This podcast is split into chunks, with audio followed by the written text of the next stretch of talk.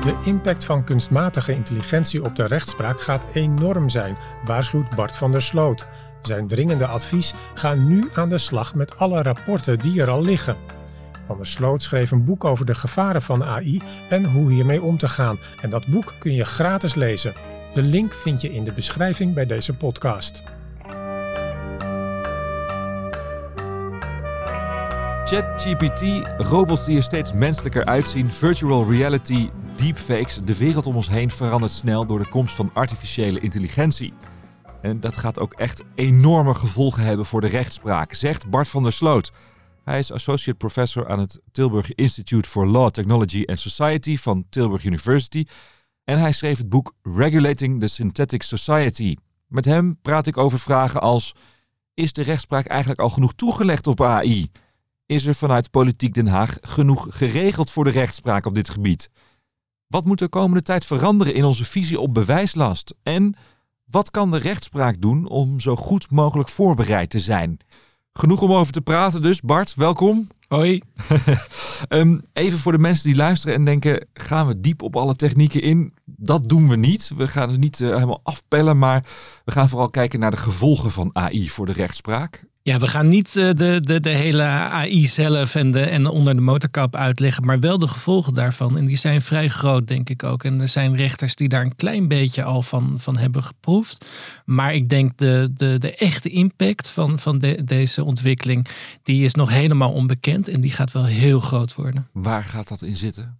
Ik denk voornamelijk, dat is het meest urgente, in bewijslast kwesties. Dat, dat is echt, dus als je kijkt naar deepfakes en hoe sterk die, uh, die kunnen overkomen, hoe echt die kunnen zijn, hoe makkelijk die kunnen zijn te maken.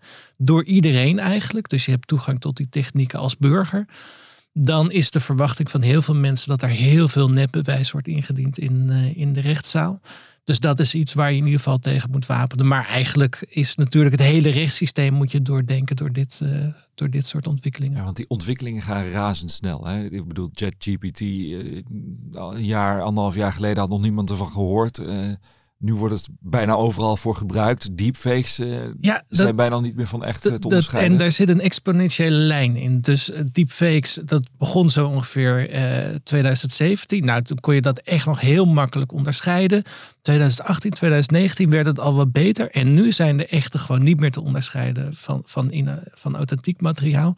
En hetzelfde met ChatGPT. Dat de eerste versies, nou, dat was heel knullig. En binnen twee, drie jaar, hoep, zijn ze zo snel geworden dat op bepaalde taken, bepaalde taken zijn ze nog heel slecht, maar dat soort chatprogramma's heel goed zijn. Die kunnen al hele essays schrijven. Studenten bijvoorbeeld aan de super snel, hè? Ja, ja, ja. De studenten aan de universiteit die laten gewoon ChatGPT de, de, de essays en de, de, de huiswerkopdrachten maken. En, en de volgende versie, daar, daar is nu discussie over.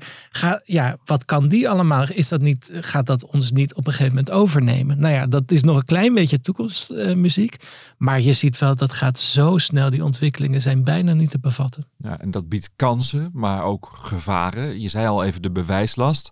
Laten we eerst even een voorbeeldzaak nemen. Ja. Um, is natuurlijk op televisie geweest, Welmoed en de deepfakes. Um, waarin presentatrice Welmoed Seidsma werd geconfronteerd met pornobeelden waar eigenlijk haar uh, gezicht op gezet was.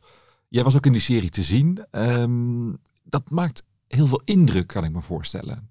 Ja, dat is echt. En, en dit is dus van de deepfakes. Dat, dat is lastig in te schatten, maar ongeveer 96% van alle deepfakes gaat over deepfake porno van vrouwen die daar niet om hebben gevraagd. Dus bijna alle deepfake toepassingen zijn nu daarvoor. Dus dat is gigantisch veel. En je zal gewoon aan welmoed, en dat is een volwassen vrouw die echt wel wat gewend is omdat ze publiek persoon is, hoe diep dat een impact maakt op haar, op haar familieleden, vrienden.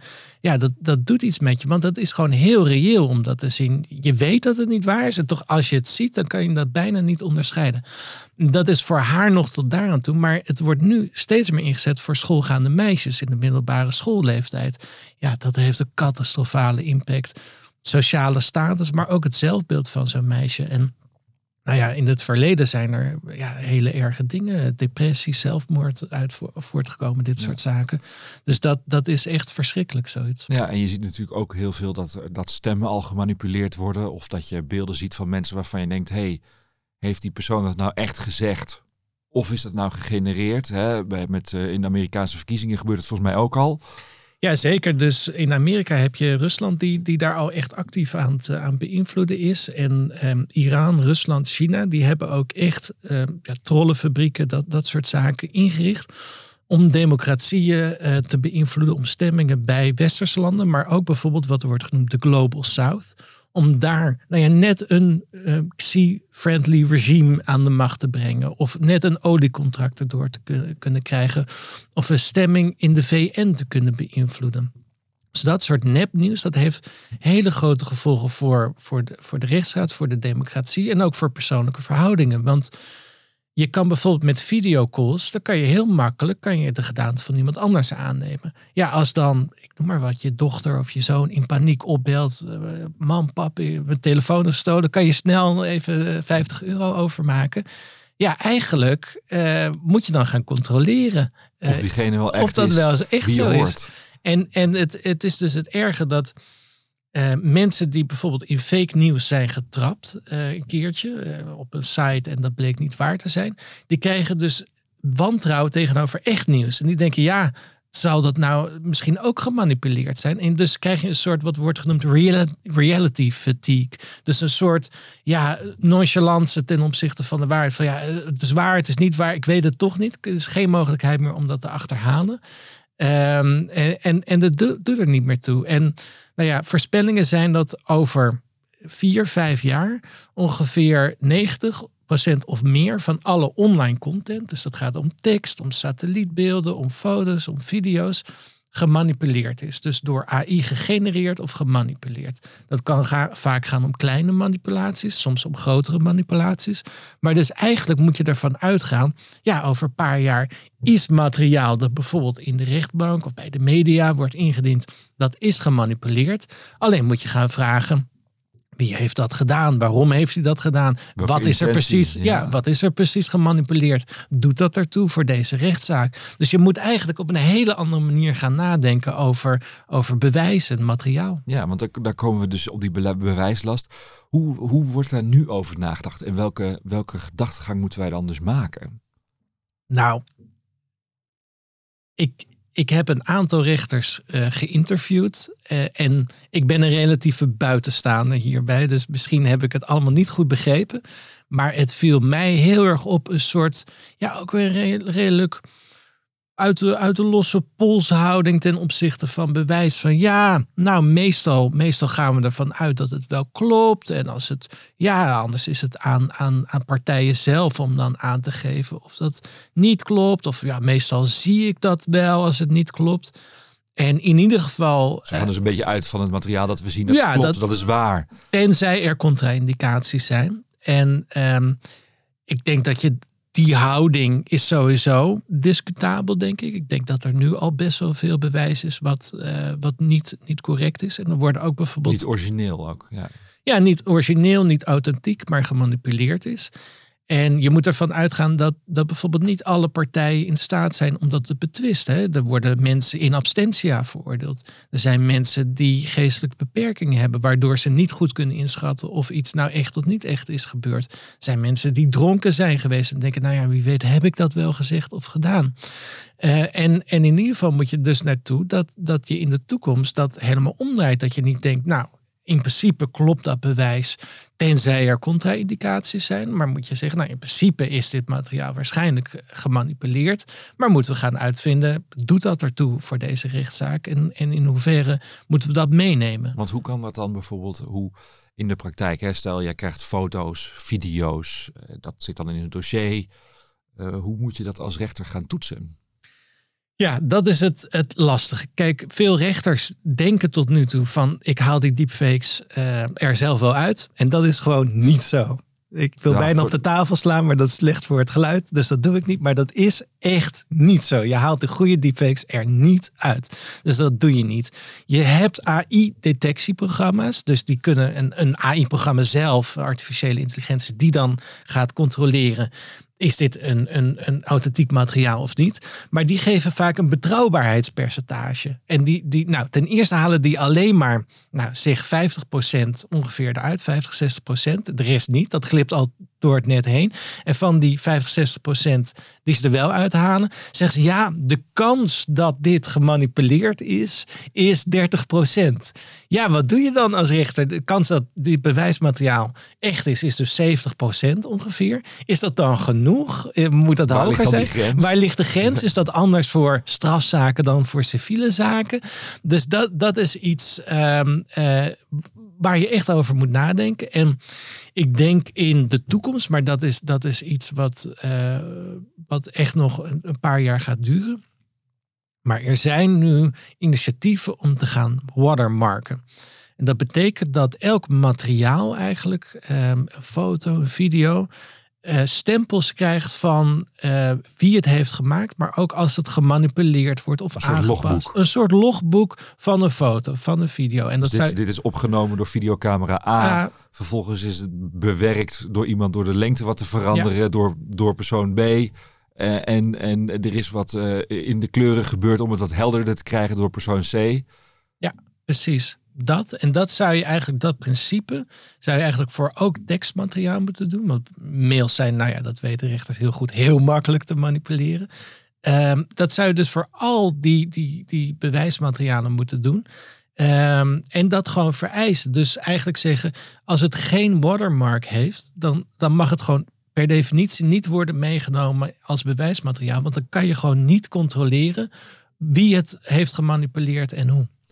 Is het eh, ook zo dat je er als rechters of als justitie eh, er nu ook al vanuit moet gaan dat criminelen bezig zijn om eh, juist allerlei bewijzen nu op te zetten, te maken om hun echte spoor te verdoezelen? Dus een beetje zand in de ogen te strooien van politie, justitie, Zeker, zeker. Ik denk het grootste gevaar komt van burgers die dit gewoon zelf gaan doen. En dat heb je nu al voogdijzaken waarin dan de moeder een, een schreeuwende vader inbrengt op video. eh, wat dan later blijkt dat het niet authentiek is. Ehm, maar criminele organisaties zijn hier al zeker mee bezig. Dus die zijn nu al sporen aan, aan het leggen. Eh, want over 10, 20, 30 jaar wordt het misschien opgepakt. Om dat pad zo, zo ingewikkeld mogelijk te maken. eh, Heel mogelijk. diffuus. En Ja. ehm, kijk, voor politie en justitie is vaak ook gewoon een kwestie van ehm, eh, budget en capaciteiten. En als je dus heel veel middelen en mankracht moet inzetten om al die broodkruimels die zijn gelegd, maar naar, naar een slecht spoor leiden, die eruit moet halen, dan, dan belemmer je dat heel erg. Dus daar zijn ze nu heel actief mee bezig. En er zijn ook al suggesties dat je bijvoorbeeld iemands ehm, eh, reputatie of erfenis nadat iemand is overleden kan, kan, ehm, kan schenden. Ja, als iemand er niet meer is, kan die heel moeilijk nog zeggen: ja, maar dit heb ik nooit gezegd of gedaan. Dus dan kan je heel makkelijk een deepfake inbrengen om bijvoorbeeld iemand in discrediet te brengen. Dus al dat soort zaken, die zijn nu al eh, bezig. Ja, En daar gaan we dus alleen nog maar meer van zien. dit is nogmaals alleen maar het begin ervan. Dit, we staan echt in het begin eh, van, eh, van deze ontwikkelingen. Die technieken om dit te doen, die worden nu door filmindustrieën gebruikt bijvoorbeeld om eh, dode acteurs weer tot leven te wekken. Ehm, Ja, je ziet misschien nu, nu nog alleen maar de leuke dingen ervan. ziet voornamelijk nog de leuke dingen, maar dat soort hele goede technieken worden nu ook aan burgers eh, overgelaten. Die kunnen hier met, nou, een, een minuutje kan je eh, hiermee aan de slag. Je kan zelfs op basis van twee foto's van je overleden oma bijvoorbeeld weer een heel realistisch video maken. In een minuutje, twee minuutjes. Zo, weet je, zo, zo makkelijk is het. Is de urgentie eh, hiervan genoeg duidelijk bij politie, justitie, de rechtspraak? Bij politie zijn wel een aantal mensen die, eh, die daar goed van op de hoogte zijn. Eh, Manon van Dunne is daar echt een leidend figuur in. Ehm, ja, voor de politie geldt natuurlijk, die kregen ontzettend veel bewijsmateriaal binnen. En die zijn dus nu al, die, die zijn er vrij proactief mee bezig van, goh, hoe gaan we nou in, in dat, die ontzettende berg van materiaal de authentieke en niet-authentieke beelden en, en fragmenten daaruit filteren. Bij de rechtspraak ja, ik ben nu wel een aantal keer gevraagd om hier al over te spreken. En in het begin, de eerste keer, was, was er vrij veel weerstand. Van nou, eh, ja, we zien het, Het wel. wel, ja. en eh, het komt wel goed. En de laatste keer was het wel van, oh ja, oh ja, hier moeten we echt wel wat mee. Dus dat, daar zit wel iets progressie in. Maar ja, als ik heel eerlijk mag zijn, dan denk ik, nou, je moet eigenlijk nu Gewoon nu daar iets aan doen en nu daarover nadenken. Want Misschien gisteren al. ja, ja, eigenlijk, weet je, er- is nu al, dat weten we zeker, is er nepbewijsmateriaal bij rechters. En de kans dat er een keertje een veroordeling plaatsvindt op basis van nepmateriaal, die wordt met de dag gewoon groter. En als je daar niks aan doet, dan gaat dat een keertje gebeuren. En dat is catastrofaal voor de legitimiteit van de rechtspraak. Ja, want dan kan het dus zomaar zijn dat je iemand, dat iemand veroordeeld Ja. wordt op iets wat eh, in het bewijslast gewoon niet waar is. Wat Ja. gewoon niet klopt. Ja, ja, dat, Dat is natuurlijk de nachtmerrie voor elke rechter. Dat en is voor elke, verschrikkelijk. voor elke officier van ja, justitie. dat is verschrikkelijk. En dat Ja. wil je niet. Dus ja, daar moet je, als je nu weet van, goh, het is zo eenvoudig om die deepfakes te maken. Ze zijn zo reëel dat je ze niet uit kan halen. En het is zo lastig om die uit te filteren. Dan moet je dus nu maatregelen gaan treffen om dat tegen te gaan. En niet over een jaar of twee jaar. En als je daar nu mee bezig gaat, is het dan ook. Zijn we dan nog op tijd genoeg om daar eh, ook een soort van kans in te zien? Dat, dat als je denkt van, nou ja, goed, als je hier nu al goed over na gaat denken, dan, dan kun je die achterstand die er misschien al is, nog bijtrekken. Ja, ik, ik, ik, het is nooit te laat om iets te doen. Eh, en ook hierbij niet. En ik zie altijd dit soort digitale eh, ontwikkelingen als een kans. Het wordt vaak als gevaar eh, gezien, maar dat, dat denk ik niet. Ik denk gewoon ons, ons bewijsrecht, zoals ik dat begrijp, is gewoon best wel open, niet, niet heel erg vastgelegd. En ik denk eigenlijk dat, dat er nu al best wel wat bewijsmateriaal doorheen sluipt wat eigenlijk niet authentiek is. Dus je kan dit ook gewoon als kans zien van joh, laten we dit nou echt goed doen en nou echt zorgen dat alleen maar authentiek materiaal er doorkomt. Bijvoorbeeld door alleen maar watermarks eh, eh, berichten of, of materiaal met watermarks toe te laten. Dus dat is een enorme kans om ons bewijsrecht alleen nog maar beter te maken. En ik denk ook breder je kan dit soort deepfakes ook inzetten ten behoeve van slachtoffers of ten behoeve van opsporing. Je, hebt, Ja, dus kan, je kan het ook gebruiken. je kan het ook gebruiken. Je kan een heel nuttig tool zijn. Eh, noem de politie die met bijvoorbeeld Sweetie, een, ehm, een virtuele avatar, eh Filipijns meisje, allemaal criminelen heeft, heeft eh, pedoseksuelen heeft opgespoord.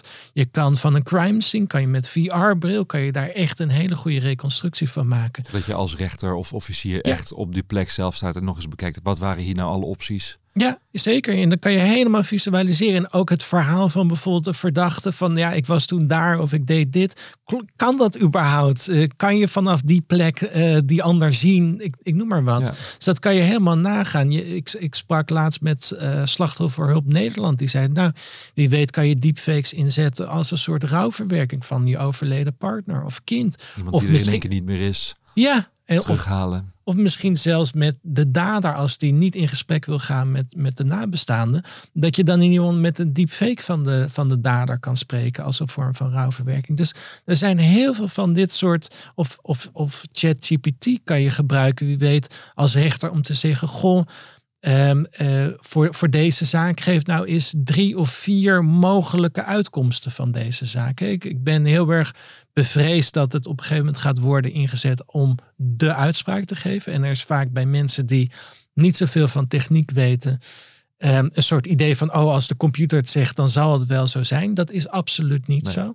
Want ze pakken natuurlijk alleen de meest waarschijnlijke. Ja. Terwijl heel veel, eh, heel veel eh, zaken die gebeuren, die hebben ook een factor onwaarschijnlijkheid in zich. Zeker. En, en je moet ook, ook waken voor een soort zelfbevestigende waarheid. Dus he- als je het helemaal plat wil slaan, dat is veel ingewikkelder. Maar als je het helemaal plat wil slaan, is AI eigenlijk gewoon een programma dat als je een zin tikt, dat hij het volgende woord in je zin gaat voorspellen. En dan heeft hij miljoenen teksten gelezen. En op basis daarvan doet hij gewoon een kansberekening. Oké, het volgende woord is dan waarschijnlijk dit. Hè? Dat- Ja. En dus zo ook voor, voor een eh, uitspraak zou, zou dat de meest waarschijnlijke uitspraak zijn.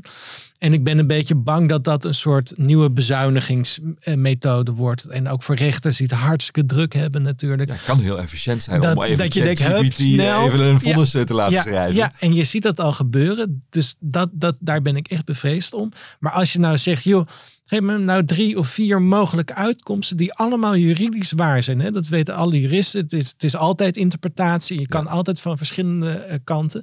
En dat je, dat je op basis daarvan bijvoorbeeld in de raadskamer gaat overleggen van, god, dit zijn drie hele realistische uit- uitkomsten. uitkomsten. ja. En wat vinden we daarvan in deze zaak? En dat kan een hele goede manier zijn om AI ook in te zetten. Om misschien ook juist scenario's dus door te denken waar je nog helemaal niet over nagedacht had. Precies. En, of waar en niemand misschien nog over nagedacht ja, dat, dat zou je heel goed aan zo'n soort large language model kunnen vragen. Van goh, noem nou eens, eens drie, vier hele onwaarschijnlijke eh, eh, uitkomsten. Of hele on- onwaarschijnlijke eh, verklaringen voor wat, wat we hier in het feitenrelaas zien. Je, je noemde het al even, hè? Er, er zijn ook mensen binnen justitie en, en, en de rechtspraak die hartstikke druk zijn. Ja. Eh, je kan zo'n ChatGPT natuurlijk ook heerlijk eh, papierwerk in ieder geval, het juridische papierwerk laten invullen met ge- geef een opdracht en, en, en doe het maar. Mhm. Ja, nou ja, je ziet in ieder geval al ehm, dat, dat de introductie van, van Word en tekstverwerking, dat dat eh enorme invloed op de lengte van, van juridische stukken, wat iedereen kopieert, plakt, dat, het een, dat het een aard heeft. Ehm, ja, nee, zeker gaat het hier. En ja, je, dat gaat gewoon gebeuren, denk ik. Dat, dat, ik ben daar heel erg bevreesd over. Maar je zal zien dat in ieder geval, je kan aan zo'n large language model vragen van, goh, vat nou het argument van, van beide partijen samen. Of zoek voor mij alle relevante rechtspraak op die, die hierover is geweest. Maar Kijk alle artikelen die hierbij horen in de jurisprudentie. En, eh, maar het gevaar is dat je ook fabulerende AI hebt. Hè. Bijvoorbeeld in Amerika is er al een advocaat geschorst, want die had ChatGPT gevraagd: joh, schrijf nou mijn pleidooi. En daar stonden dus allemaal rechtszaken in met vo- voetnoten en, en een hele titel. Die gewoon nooit hebben, die, die waren er niet. Die heeft gewoon de AI verzonnen. Die heeft nieuwe rechtszaken verzonnen. Dus ja, daar moet je heel erg mee oppassen. En als je dat al doet, ik zou het niet doen. Als je dat al doet, controleer heel goed. Klopt dat nou echt? Bestaan die rechtszaak? Bestaat die wet überhaupt? dus het kan ook zijn dat mensen alleen nog maar drukker worden. Ik, ik, ja, ik, ik zou daar nu heel erg... tweeledig. Zeker, ik zou Ja. daar heel erg mee oppassen. Ja. Hoe, eh, hoe zit het met de regels die er nu voor zijn? Of de richtlijnen? Hè? We hebben natuurlijk de AVG op Europees gebied is de, de GDPR eh, eh, actief. Geven die genoeg handvatten?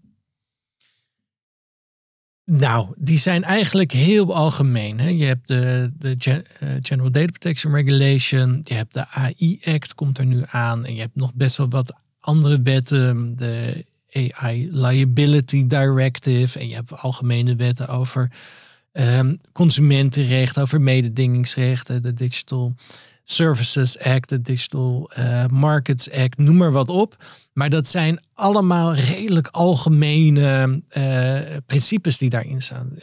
Zorg dat je data een beetje eh, goed opslaat en veilig. Zorg dat die data kwalitatief op orde zijn en correct zijn. Daar kan je moeilijk Maar tegen zijn. Ja, maar neem nou zo, zo'n voorbeeld van datakwaliteit.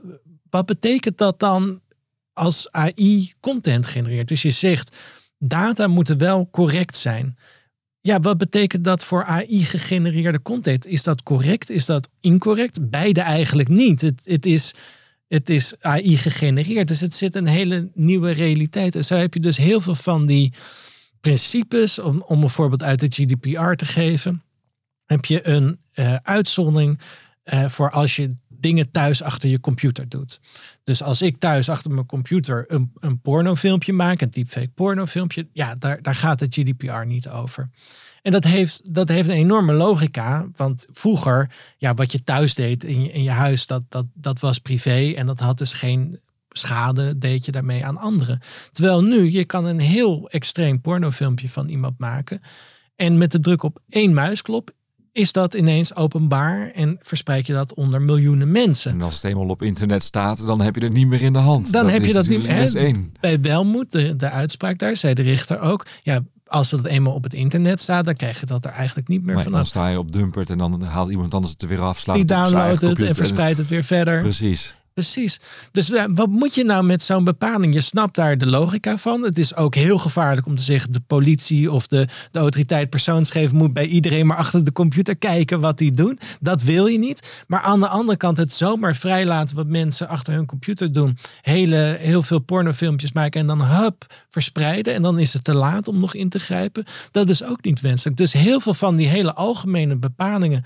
waarvan je snapt van dat is, dat is zinnig, dat is logisch behoeven toch eh, weer, weer opnieuw nadenken en misschien herbezinning. Maar is daar, zijn die dan streng genoeg? Of moet daar nog gewoon veel, veel hardere ehm, eh, grenzen aangesteld worden vanuit bijvoorbeeld de politiek? Ja, ik, ik denk zeker eh, dat je daar, daar veel strenger moet zijn. Ik, ik ben heel erg wel fan van de precautionary principle, zoals dat in het EU-recht geldt. Dus voor, voor bijvoorbeeld milieurecht of bijvoorbeeld medicijnen ken je dat ook wel. Je gaat geen medicijn op de markt brengen als je nog niet weet wat het gaat doen. Je moet eerst testen en dan zeker weten dat het geen schade doet en dan mag je het op de markt brengen. En bij AI doen we het eigenlijk andersom.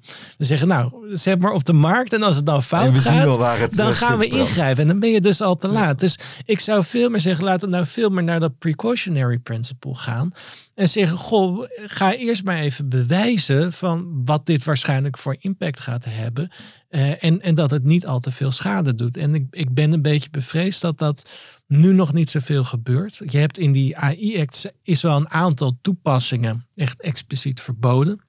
Ik denk dat dat een goede start is. Mhm. Dat mag wat mij betreft misschien nog wel wat meer. Dat je gewoon duidelijke grenzen stelt. Gewoon heel, en dat is voor bedrijven. Je hebt eh, de AI-bedrijven zitten nu vooral, vooral in Amerika. Maar daar zijn, zijn een aantal van die zeggen, nou, misschien willen wij wel naar de EU verhuizen. Want die stellen in ieder geval duidelijke regels. We weten dan in ieder geval waar we aan toe zijn. Dat is voor innovatie, zijn regels juist heel vaak fijn. Dan weet je gewoon, binnen deze grenzen kan ik gaan innoveren. En in, als je dat loslaat, dan is het gewoon up for grabs. En dan, uh, ja, dan is er ineens heisa. Uh, en, en dan moet je weer terug of moet je terugdraaien. Dus dat is eigenlijk veel beter. En ik denk dus dat daar veel meer over moet nadenken. En dat ligt ook deels bij de Nederlandse wetgever, die daar veel actiever op moet zijn. Ja, want we hadden het al even over die andere manier van denkwijze, die misschien in de rechtspraak wel nodig gaat zijn. Hè? Uh, hoe kijken we naar bewijslast aan? Uh, hoe kijken we naar, naar dingen gegenereerd door AI aan? Wie is er aan zet?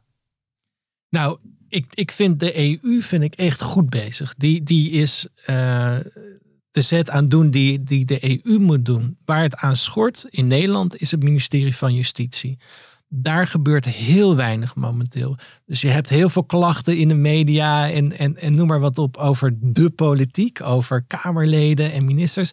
Ik deel die, die helemaal niet. Ik heb ontzettend veel ontzag voor hoe druk Kamerleden het hebben en die dan toch nog, en ik, ik bel met ze en ik spreek met ze, die toch nog weten, hey, bijvoorbeeld deepfakes, daar is vanuit de Tweede Kamer heel veel druk op gekomen van doe daar iets aan. En als je met bewindspersonen spreekt, die willen hier ook echt iets aan doen. En waar het steeds op, op stuk loopt, zijn de ambtenaren bij het ministerie van Justitie die gewoon niets willen doen. Die willen helemaal niets doen.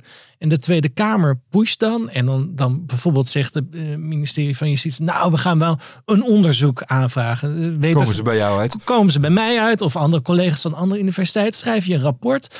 En met het ene hand wordt hij in ontvangst genomen. De andere hand zie je al de la open. En hup, daar verdwijnt hij in.